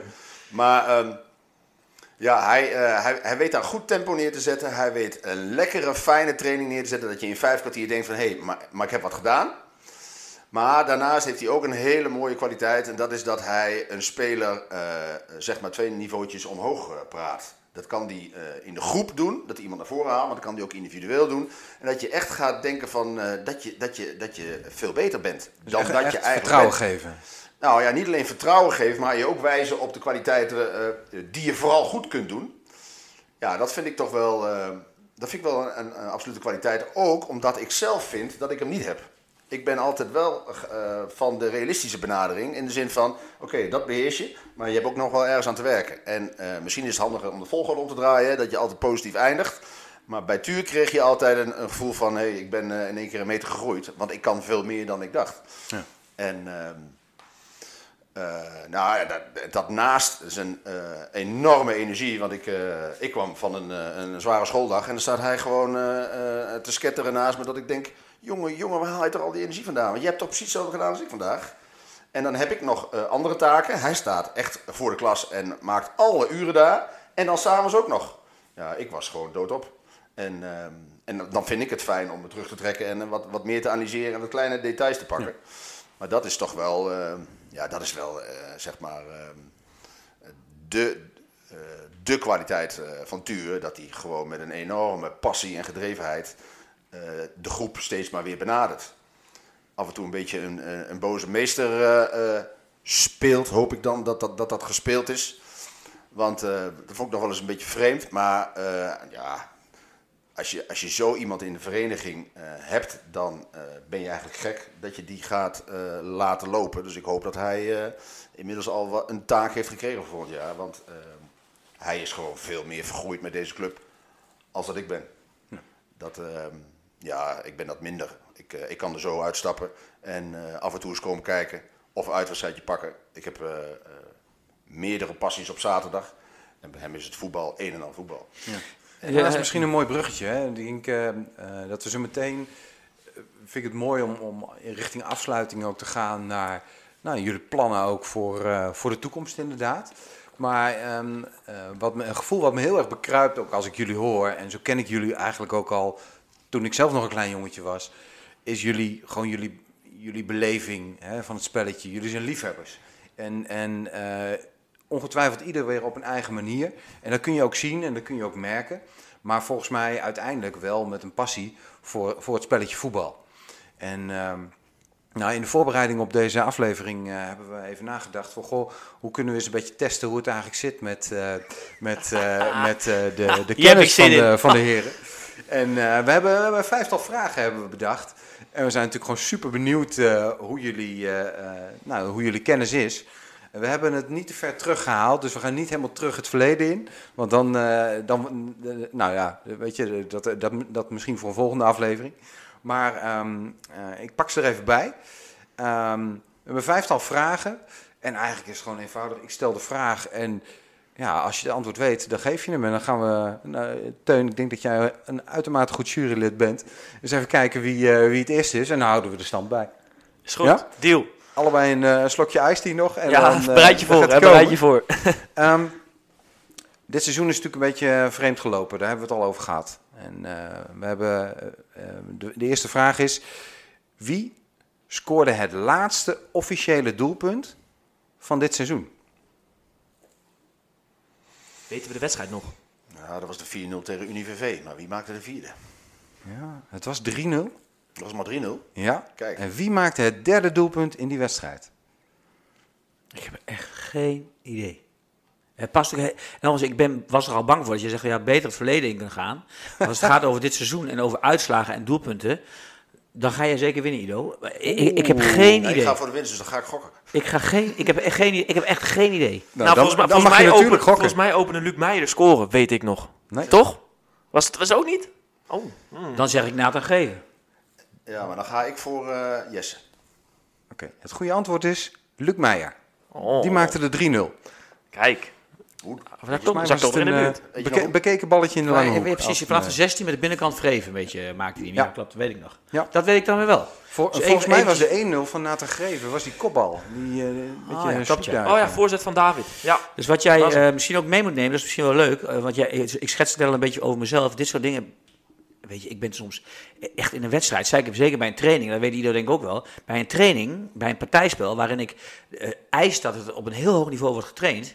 Waarvan je dan denkt, dan moet de trainer toch ook de stand weten. weet ik vaak helemaal de stand niet. Nee. En dat heeft dus te maken met de dingen waar ik wel mee bezig ben. En dat is dan helemaal niet met de stand, maar welgene wat er gebeurt in het veld en, Ja. en, en de beleving. En de manier waarop mensen eh, schakelen van aanvallen naar verdedigen. En of ze met het met z'n allen doen. Dat soort dingen ben ik dan mee druk. Ja. Dus weet ik de stand vaak helemaal niet. Dus dit soort dingen, eh, eh, ik heb het tijdens de competitiewedstrijden ook wel eens gehad. Dat ik niet eens wist wat de stand was. Ja, wat de stand was. Neem niet weg om wat even te vermelden dat eh Luc Meijer je toch wel een hele aparte voetballer noemt. Die eh, eigenlijk vorig jaar, eh, vorig seizoen, eh er niet uit heeft gehaald wat erin zat. Daar was hij zelf heel ontevreden over. En de manier waarop hij afgetraind bij ons aan de start verscheen bij dit seizoen. Dat was op zich al bewonderenswaardig. Hij blijft fit, maar wat hij dan vervolgens in de wedstrijden neerzet. Ja, dan zit ik aan de kant en denk ik, Luc Meijer, ben je toch eigenlijk een fantastische voetballer. Ja. Je speelt een paar klassen te laag. Dus laat mij nog even een tijdje genieten. En eh, bedoel, ik- ik kon het niet nalaten om dat nog even te zeggen. Want eh, die verdient wel een pluim. Ja. En, eh, en hopelijk gaat hij de kaart trekken volgend jaar. Zodat het daar eh, het dan wel resultaat oplevert. Ja. Nou, en ik denk, Ido, als ik naar jou kijk waarschijnlijk, ik denk, stel je voor, ik heb er nog even over nagedacht, we hadden natuurlijk afgelopen donderdag onze afsluiting. En aan het eind normaal seizoen had je misschien met elkaar eh, gesproken over een speler van het jaar. Nou, dan kijk ik naar een speler van het jaar, dan denk ik dat voor mij betreft eh, eh, Luc Meijer eh, is voor mij speler van het jaar geworden. En- Maar dan kijk ik dat over anderhalf jaar. En dan kijk ik vooral naar ontwikkeling en eh plek die hij heeft, nu inneemt in het team. Hoe belangrijk die is in het team. En, eh, eh, en vooral ook misschien heel klein weer kijken, zoals iedereen dat goed kan. Ja, het is gewoon een hele, hele goede voetballer. Nou, mooi. Ik denk dat, eh, dat hij, als hij luistert, dat hij jullie of aanvulling ongetwijfeld waardeert. Eh, we gaan wel naar vraag 2. Want de stand is nog 0-0. 0-0. Welke speler van, het, van de huidige eerste selectie? Ik denk dat jullie de, ja, met een beetje, eh, die zou die moeten weten. Welke speler van de huidige eerste, eh, eerste selectie speelde het meest aantal wedstrijden in het eerste elftal? Eh, Over dit, over de afgelopen seizoenen? Nee, Over- over in alles? totaal. Dus van de huidige selectie, wie heeft daar het meeste aantal caps Ik ben het niet. achter zijn naam? Ik gok Jelle. Ja. Ja, en dan eh, gaat het punt naar Ja. want jij was de eerste. En ook het goede antwoord. Yes. Ja. En dan denk ik dat daarna eh, denk ik, ook Uniek Bakker weer komt. Ja, volgens mij ook. Ik denk dat Jelle eh, wel op het punt staat, wel richting eh, echt wel de top 10 ook te, Ja, te- dit, dit jaar te heeft hij toch een, een prijs ook gehaald, toch? Als ik het goed zeg. Met, met een x aantal wedstrijden die hij heeft gehaald. Zeg dat goed? Ja, zou kunnen. Ik weet, ja, Met een wedstrijd tegen Zeelos? we- weet ik even niet. Maar hij... Heeft eh, hij een extra sterretje gekregen? Ja, zoiets was toch? Niek- was niet dat? Nee, dat was Jelle nee, volgens dat was mij. Jelle. Ja. Ja, dat klopt. Ja, nee, dat was- weet je, ook Jelle, hè, je, hebt het over Jelle, eh eh, Niek, Ken en ik denk eh eh, Luc Meijer. Dat zijn denk ik, de, waren, dat, dat waren de, onze routiniers. Ja. En eh, dan is Jelle degene die ook nog best wel heel lang eerste klas heeft gespeeld. Daar het ook, ook heel goed heeft gedaan. Dus ja, weet je, dat, het is, dat, dat gaat, eh, zeg, jij zegt het goed. Dat was wel een vraag die, die moet je weten. In deze groep is Ja. Jelle denk ik degene die Ja. de meeste wedstrijden in de één heeft gespeeld. Nou, dan hebben we nu een uitdaging. Want als jullie zeggen van nou, het huidige seizoen, al die feiten, lastige. Kijk- je administratie of die lukt. trekken, Want Ido. ehm, we hadden het al even over de wedstrijd tegen UniVV. Dat was de, de laatste officiële competitiewedstrijd. Hè? En eh, eh, ik noem eh, acht namen van de basisopstelling. En dat betekent dus ook dat ik er drie vergeet. En aan jullie natuurlijk de vraag, welke drie zijn dat? Ja, ik zet echt in op Ido hoor. Ik weet het wel zeker nu. Ja, We beginnen, beginnen met de opstelling. Ehm, in de goal, Joey Wolsink. En dan hebben we achterin, hebben we van rechts naar links een, eh, een vraagteken. Dan hebben we David de Sla. Nog een keer een vraagteken. En Ken Bakkerweert. Middenveld met eh, Timon Kuiper. Rick Flutters. Als ik het goed herinner, viel die geblesseerd uit. Eh, Luc Meijer. En dan hebben we eh, Sam Vega nog. Dan hebben we nog een keer een vraagteken. En Jelle Makkeré. Ik Drie zeg, vraagtekens. eh, ik zeg Nick Bakkerweert, Hidde van Kalker en Nathan Greven. Patsboom. Dat is Hoppa. spot on. Helemaal, eh, helemaal goed. Ik denk ik laat de ruimte aan hem om. Nou, dat is ook weer elkaar aanvullen. En, eh, dus dat is heel goed. Maar je, je trekt de stand op 1-1, eh, Arthur. Maar even om naar deze drie mannen duidelijk te zijn. Ik had precies hetzelfde gedacht. Mooi. Goeie verschil is dat Arthur het zei. Ja, nou, eh, 1-1. Mooi dat ik dat weet, want ik ben dus echt niet van de opstellingen. Dus, eh, maar wat je zegt, dan kun je eh, ook even in de rolverdeling. Ik heb ook altijd zelf ook gevoel, wij hebben ook daar vaak samen over gehad. Dat je eh, hoofdtrainer, nee, assistent trainer, maar Ido is dan wel meer degene die wat kleiner keek en toch wel meer achteruit stapte en ik vooruit stapte. Nu, Ido was van de opstelling en nu kon ik daar, dan, dan, dan kon ik er naar kijken. Wij wisselden dat dan uit samen, hè, ook op de trainingen, et cetera. Dus dat is wel mooi dat het nu zo loopt, want dan zie je dus toch dat hij maakt die opstelling. En ik eh, kijk er echt wel naar Ja. en weet echt wel, eh, dus dat is wel weer... hè. Ja, mooi. Maar even terugkomen op deze spelers. Nick Bakkerweert. Het is eigenlijk jammer dat hij rechtsback staat. Ik vind het wel een... een ehm, ja, ik vind het jammer dat we hem niet als spits hebben kunnen laten renderen. Dat lukte gewoon niet. En we hebben het er veel met Nico over gehad. Hè. Ik dacht ook dat het te maken had met het andere type speler. Wat er allemaal bij kwam vanuit de, vanuit de jeugd. Dat hij toch anders speelde dan dat hij eigenlijk in de spits wilde spelen. Maar ik zie dat wel als een, eh, als een teleurstelling dat dat niet is gelukt. Dan is hij rechtsback en is hij nog heel erg van waarde hoor. Ik bedoel, eh, ik zou als spits met zo'n rechtsback zou ik, eh, genieten. Want op het moment dat hij die bal heeft, dan ga ik al bewegen. Gek dat onze spits dat trouwens niet doet. Maar oké, dat is daar gelaten. Dan Hidde van Kalker. Nou ja, de ontwikkeling die hij heeft doorgemaakt in het jaar daarvoor, dat is echt heel erg knap. Beetje ten koste gegaan van Hidde Russing, dat is wel jammer. Want die, ehm, ja, dat is toch een, een voetballer van de club die zoveel hard voor de club heeft, die hij dan graag zou opstellen. Maar eh ja, Hidde die heeft er eigenlijk voor gezorgd dat we eh, eh, voor hem moesten kiezen. Heel erg knap zoals hij zich na een, een, een klote start het jaar daarvoor als rechtsback centraal in het centrum heeft ontwikkeld. Moet alleen nog een keer een goede lange paas uitkomen. Dat zou ook mooi zijn. Want dan is hij aanvallend nog veel belangrijker als dat hij alleen maar in de correctie zou zijn. Nou ja, Nathan Greven. Dan noem je dan meteen weer een mannetje die, eh, die derde. Eh, niet te coachen, maar wel eh, een prachtige voetballer. die wij eigenlijk, eigenlijk als uitgangspunt van onze tactiek hebben genomen. Hè? Want hoe ga je Nathan gegeven laten renderen binnen al de kwaliteiten die hij heeft, maar ook de beperkingen die hij met zich meebrengt. Is toch altijd wel leuk om, om, om, om, om, om, daarmee te spelen. Nou, ik vond Nathan is een hele aparte. En uh, soms ook een hele moeilijke, maar eentje met heel veel kwaliteiten. En als hij het gaat zien, uh, wat hij uh, voor waarde kan brengen voor zijn medespelers, dan zit hij denk ik bij CSV in eerste klas op zijn plek. Ja. Helaas is hij daar voor de buitenkant gehaald, zegt hij. Dus ik hoop dat ze dat nog gaan veranderen, want Nathan binden aan een lijn. Ja, dat, Onmogelijk. Daar gaat, daar gaat hij zelf wel snel genoeg van krijgen. Dat is ook helemaal niet zijn kwaliteit. Maar goed, we hebben de drie er even uitgepikt. Moet hij gaan ontdekken? kon ja. niet nalaten om deze nog even ja. naar voren te halen. Mooi aanvulling. Dat, dat, dat, dat, is leuk. Dus ja, en, en, dit is dus ook wat ik bedoelde. Dit is Ido. Ja. Dit, dit, is, dit, is, dit was Ido in die samenwerking. Die vertelt, die vertelt Hidde van Kalken dat hij verdomme een keer een lange bal moet geven. In plaats van... Uh, um, en, daar daar, en, en daar, laten we zeggen, gevaarlijker uit kan zijn. Ja. En, en, en dat was nog steeds... Ik haal het nog kraan, maar dat was het mooie aan deze samenwerking. Ja. En dat is ook het leuke. Hè? Ik bedoel, je kan, je kan een leuk spelletje spelen. En wij hadden uh, als, als, als doel het eerste jaar, er moet weer plezier komen en we moeten lekker overtuigend gaan spelen. Nou, die overtuiging die heeft ons ontbroken hoor, want ik vind dat er wel behoorlijk veel angst in de groep zit. Bang voor tegendoelpunten, bang om te verliezen. En uh, daar kan ik nog wel aardige details uh, naar voren halen van, maar dat doen we dan in, D2, in deel 2. maar ik vind, uh, ja, het, het, het, het, praten met spelers, proberen hun, hun voetbalgedrag te beïnvloeden, ja, dat vind ik leuk.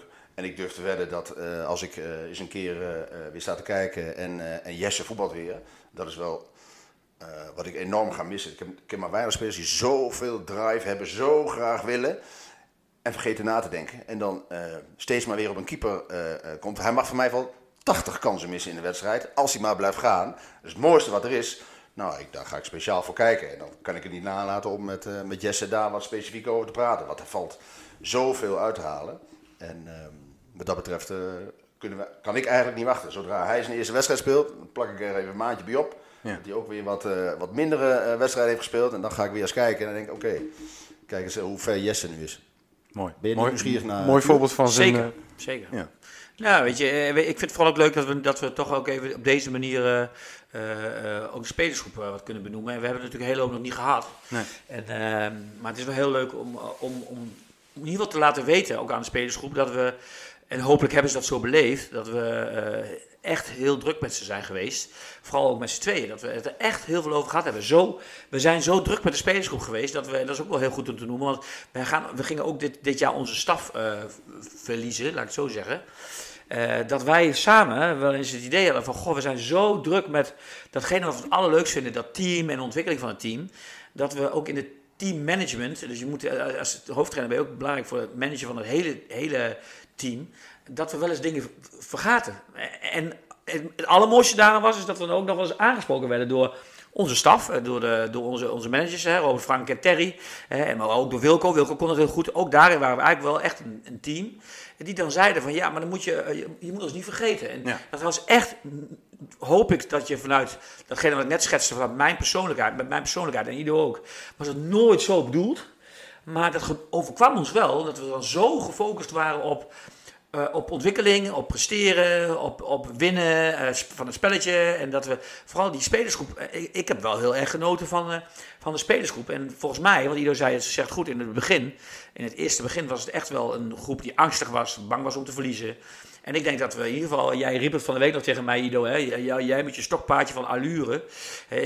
Ido zei, dat is echt jouw woord. Ik zei, nou, dat herken ik wel.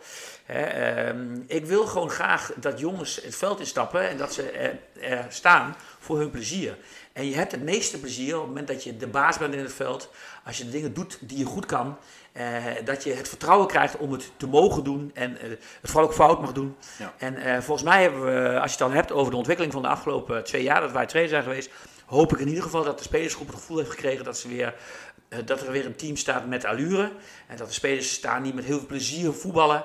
Met een hoop ja, positieve arrogantie, laat ik zo zeggen. Eh, en ehm, eh, dat is misschien ook nog wel goed om te noemen. Ga ik toch wat noemen, Ido. Ido had het straks over. eh, ik- Ido zei, misschien ga ik ook wat negatiefs over jou zeggen. Ik ga dat even dan in een bepaalde context zeggen, als je dat leuk vindt.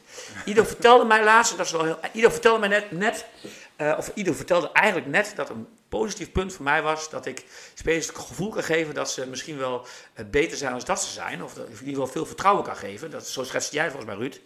Maar ieder zei het anders tegen mij, laatst toen hij kritisch was tegen mij. Hij zei, Arthur, jij coacht in verwachtingen. Dus even trainers onderling, misschien vinden trainers dit leuk om te horen. Eh ieder zei, Arthur, jij coacht in verwachtingen en dat irriteert me. Eh, daar heb ik hoop, eh, dat, dat heeft me een hoop energie gekost. En zal ik proberen uit te leggen wat hij mee bedoelde. Hij, ik had op zaterdag heel veel momenten, ook vooral tijdens wedstrijden, dat ik dingen terug wilde zien, omdat ik dacht, of vond, dat die spelersgroep of een speler dat kon brengen. Ja. En dat eiste ik dan vaak, haast vaak van die speler. Ik dacht mezelf, jij kan dat. Ik denk dat jij dat kan. Nou, je zult eh, herkennen me alweer, denk ik. En eh, dan gebeurde dat niet. Dan mislukte dat, of dan ging dat niet. En dan zat daar bij mij heel veel frustratie. En dat reageerde ik af op hem, op Ido, op de bank, omdat hij naast me zat. Eh, dat- en dan zei hij van, kan het nou? Wat gebeurt hier nou? Weet je wel. En nou, dat heeft Ido veel energie gekost. Dat zeg ik netjes, denk ik. Zo heeft hij, hij heeft het anders tegen mij verwoord. En dat kan ik me voorstellen. Alleen het heeft wel te maken met de, de- datgene wat ik... Ik heb wel echt met alle goede bedoelingen altijd de jongens het gevoel willen geven. En ook dat echt gevonden. Wij zijn beter als zij. En ik wil dat je dat laat zien. Niet alleen op training, maar ook in de wedstrijd. Vooral in de wedstrijd. Daar doe je het namelijk voor. En daar wordt eisen aangesteld. Dat is denk ik ook een van mijn kwaliteiten. En, eh, maar wel mooi, even terug naar het complementair zijn aan elkaar. Ik vond het wel fijn dat Ido vertelde aan mij dat dat eigenlijk ook heel negatief kan werken.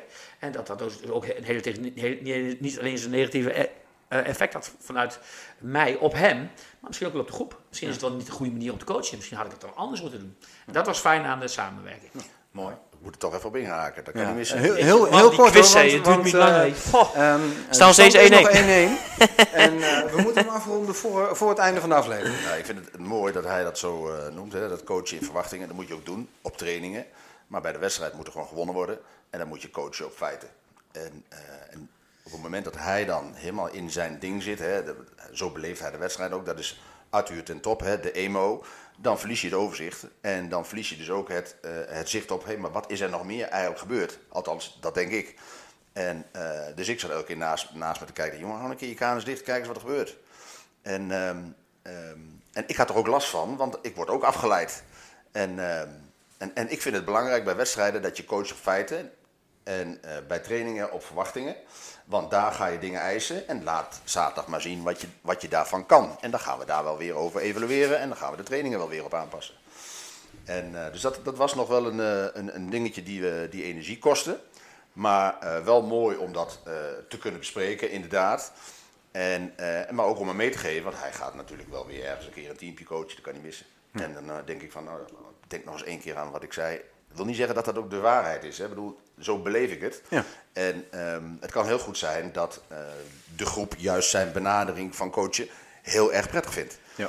En, eh, maar goed, dat, dat zal niet voor iedereen gelden. Maar ehm, eh, het, het, het viel mij op. En ik heb aan het begin wel eens gedacht, is dat nou de stress van een hoofdtrainer die, die, die, die hier dik betaald wordt en, en moet winnen? Maar dat is het bij hem helemaal niet. Zo zit hij gewoon in elkaar. Dat is Arthur Eersman ten top. En dat heeft voordelen, maar ik denk dus dat het bij wedstrijden ook nadelen kan hebben. En eh, eh, ga eens lekker achterover zitten. Ga eens rustig kijken wat er allemaal gebeurt. Ik bedoel, jij bent ervoor om beslissingen te nemen, om iemand eruit te halen, erin te zetten, om te kijken of dat effect heeft. Meer kan je als trainer eigenlijk niet doen.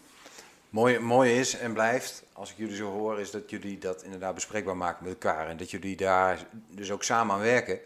En eh, eh, dat heeft volgens mij de afgelopen periode mooi gewerkt. Nou ja, wie weet wat dat richting toekomst nog oplevert. Ehm, de volgende vraag. Eh, we gaan een klein Oh ja, we tempo een quiz, ja, maken, anders, eh, anders past het niet op het bandje. Ehm, als het goed is herinneren jullie je de bekerwedstrijd tegen AZC. Dat was een flinke overwinning. Wie maakte het laatste doelpunt tegen AZC? Koen. Klopt. Koen Helleman. 2-1 Lekker zeg. eh Ido. Hoppa. Ruststand 3-0. Oeh, dat heb ik, die feitenkennis heb ik even niet op het moment. Maar ik geloof je. 8-1. Eindstand 8-1. Heb, heb ik me zo Onnodig gruwelijk ook. verbaasd over die trainer. Die gewoon na de rust eh AZC nog steeds vooruit laat stappen.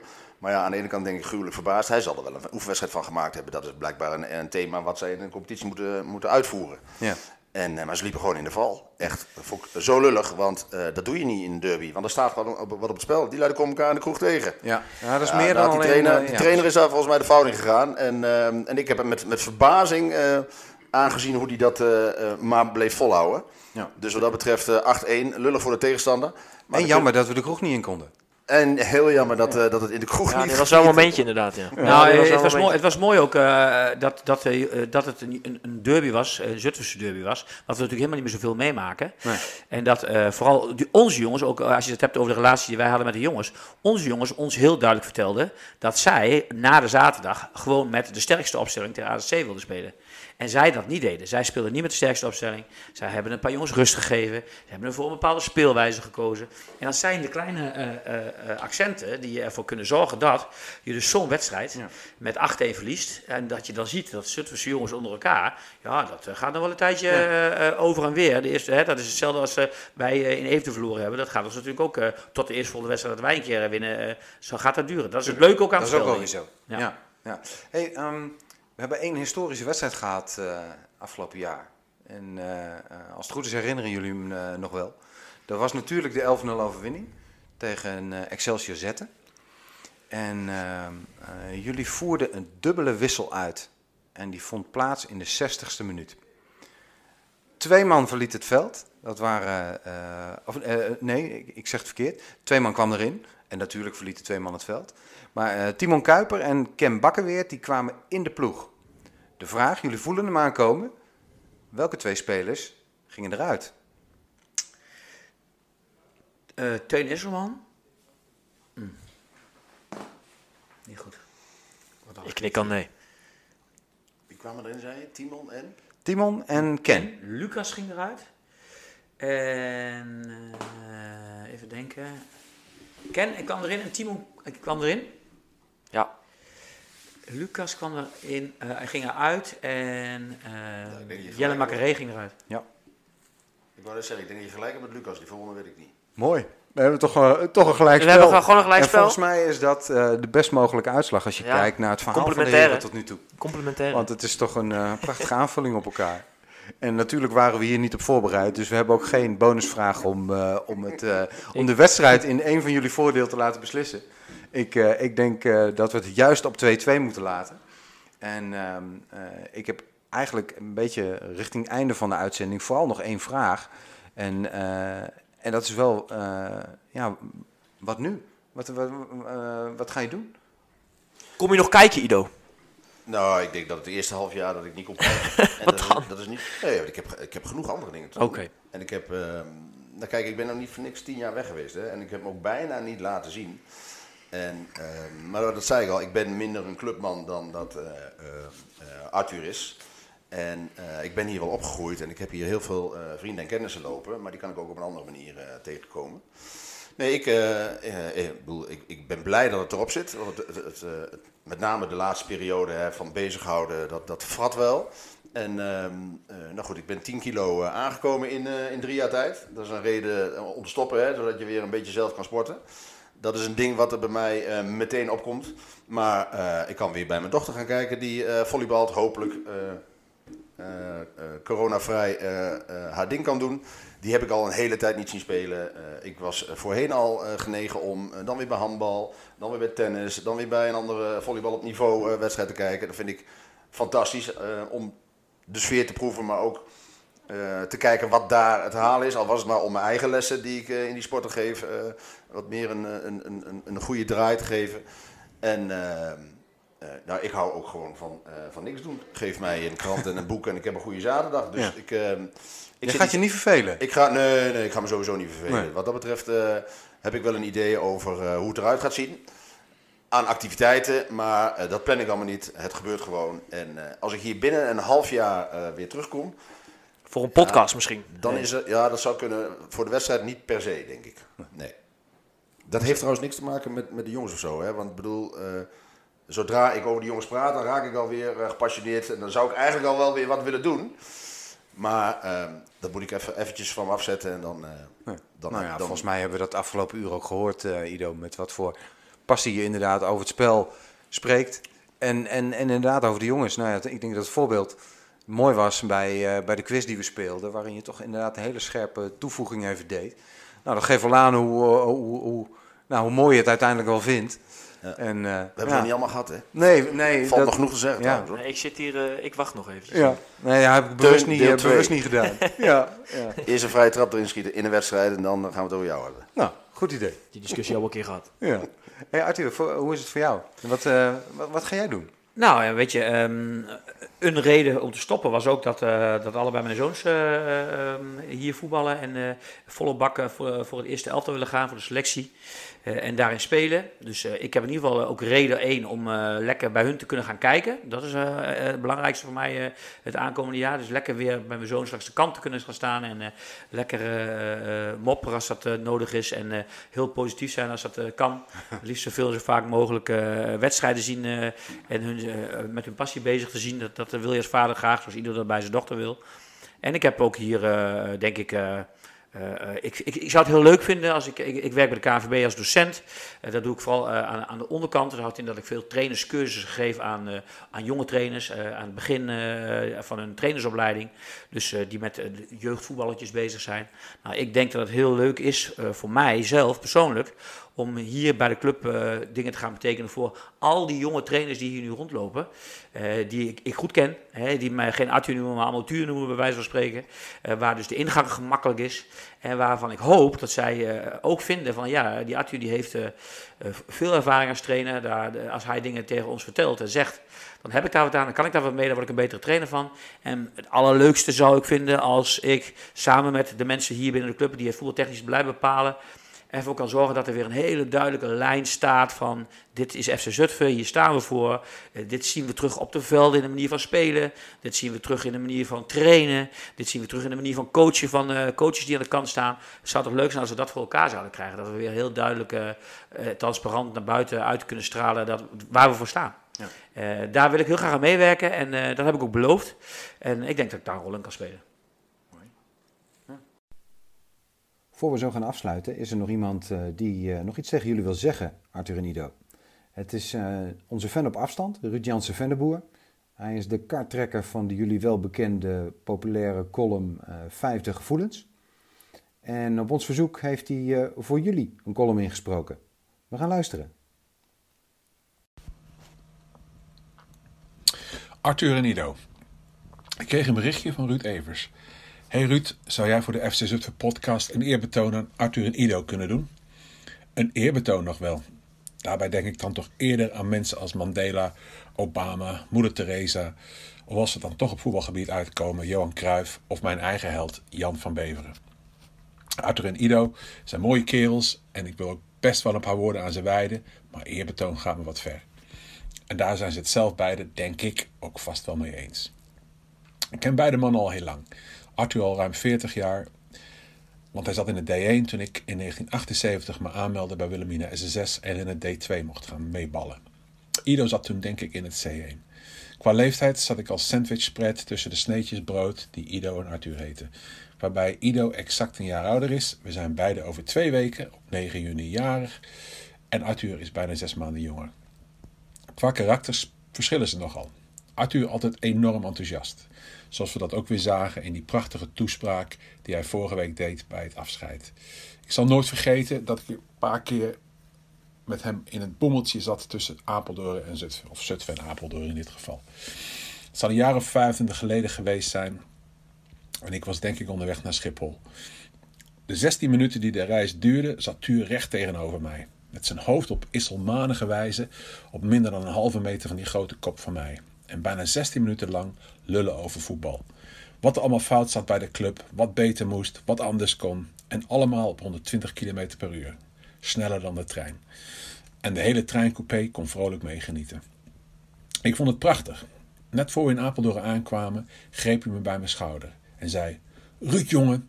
Als Tuur je aansprak, noemde hij je niet alleen bij je voornaam, maar kwam ook altijd jongen achteraan. Dat doet hij volgens mij nog steeds. Ruud, jongen, zo jammer dat jij in Engeland woont, want jij zou gewoon voorzitter moeten zijn bij de club. Man, Ook een woord wat hij vaak gebruikt. Man, dan zouden de dingen zo anders gaan. Of Ido het daarmee eens zou zijn, weet ik niet. Alhoewel Ido natuurlijk ook al lang bij de club zat toen, ik het, toen het voor mij in 1978 begon, ken ik Ido eigenlijk pas een jaar of twintig wat beter. En in die tijd heb ik veel bewondering gekregen voor zijn passie voor het spelletje, voor zijn eigen wijsheid, maar vooral ook voor zijn oncompromisheid. Is dat een woord? Nou, als het geen woord is, dan maken we het een woord, speciaal voor Ido. Weet nog goed dat hij een keer kampioen werd als coach van het tweede. Een tweede dat volgens mij toen de eerste klasse of zelfs misschien wel in de hoofdklasse speelde. Ido was echter ongediplomeerd en mocht daarom in het nieuwe seizoen niet als de officiële coach langs de lijnen staan. En dus niet mee promoveren met zijn eigen team. En waar dat voor de meesten onder ons wellicht een reden zou zijn om toch dat papiertje maar te gaan halen, dacht Ido er anders over. Die stopte gewoon. Wel op een hoogtepunt natuurlijk. Zo, is het toch nog een eerbetoon geworden. Ido, Arthur, Keels, ontzettend veel dank voor al jullie harde werk en het mooie voetbal dat jullie, dat jullie teams altijd laten zien. Gelukkig heb ik daarvan, dankzij internet tv, ook wekelijks hier in Engeland van mogen genieten. Hopelijk tot gauw weer een keer. Kijk. Heren, we komen aan het einde van een uitzending. Uh, een uitzending waarin we terug hebben gekeken op, uh, op ongeveer twee jaar trainerschap van een, uh, een, een, duo, een club mensen. ieder op zijn eigen manier. En wel met, een, met veel passie voor het spelletje, veel betrokkenheid bij de spelers. En, en ehm, nou, we gaan zien hoe de toekomst loopt. Dat hebben jullie zelf mooi omschreven. Ik wil jullie in ieder geval enorm bedanken. ten eerste voor jullie komst. Uh, naar de studio hier op, uh, op Sportpark Meijerink om, uh, om de podcast op te nemen. superleuk dat jullie daar, daar allebei waren en, en een mooi verhaal hebben gedaan. En ik wil jullie namens de club bedanken voor twee mooie jaren. En wie weet wat de toekomst nog brengt. Maar hartstikke bedankt. Ruud, jij ook bedankt voor deze mooie woorden. En ik hoop dan dat we hiermee verschoond blijven van nog een interview met FC Zutphen Internet TV dit is wat mij betreft een goede afsluiting. Alles van, gaat. Alles gaat nu. dit is wat mij betreft een goede afsluiting van uh, twee jaar uh, samenwerking met uh, Arthur Isman bij FC Zutphen zaterdag 1. Mooi. We zullen het doorgeven Klaar. aan de heren van Internet TV. Precies, ja. precies. Okay. Nou, mooi. Um, mocht je nou zo'n podcast leuk vinden, voor alle luisteraars die luisteren, vergeet je dan even niet eventjes te subscriben op Spotify. Ook op Google Podcast en Apple Podcast zijn wij te vinden. Zowel ook op de site zijn wij te vinden. Kan je volgens mij ook gewoon luisteren. Um, maar vind je het nou leuk en wil je nou graag meer weten van ons? Uh, subscribe even. En heb je nou suggesties? Of heb je nou ideeën? Of heb je nou andere dingen die ons heel graag wil laten weten? Stuur dan even een mailtje naar podcast.fczutphen.nl. Uh, wij staan namelijk open voor allerlei soorten van feedback en uh, tips en ideeën. En wie weet komt, jou, komt jouw geweldig idee wel terug in een eerstvolgende podcast. Zo is het. Top, bedankt. Mooi. Bedankt allemaal. Bedankt mannen. Hey.